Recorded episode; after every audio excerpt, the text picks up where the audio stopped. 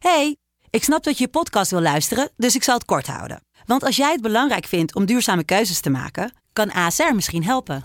Nou hoor ik je denken, hoe dan? Nou, bijvoorbeeld bij het duurzaam herstellen van schade. Of de premies die we beleggen volgens ons duurzaam beleggingsbeleid. Dat bepaalt waar we wel en juist niet in investeren. Wil je meer weten over welke duurzame keuzes ASR maakt? Ga dan naar asr.nl/slash duurzame keuzes. ASR doet het. Zo, dan kan je nu lekker naar je podcast luisteren.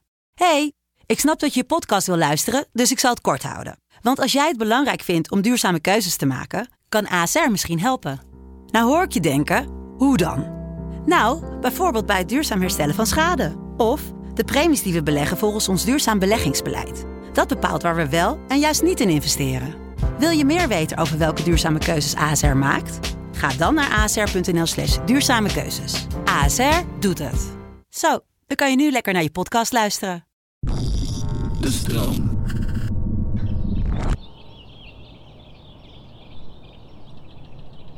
Loop eens naar buiten. Kijk eens naar de lucht. Kijk eens naar de grond. Ja, jij bent een mens, zegt de lucht terug.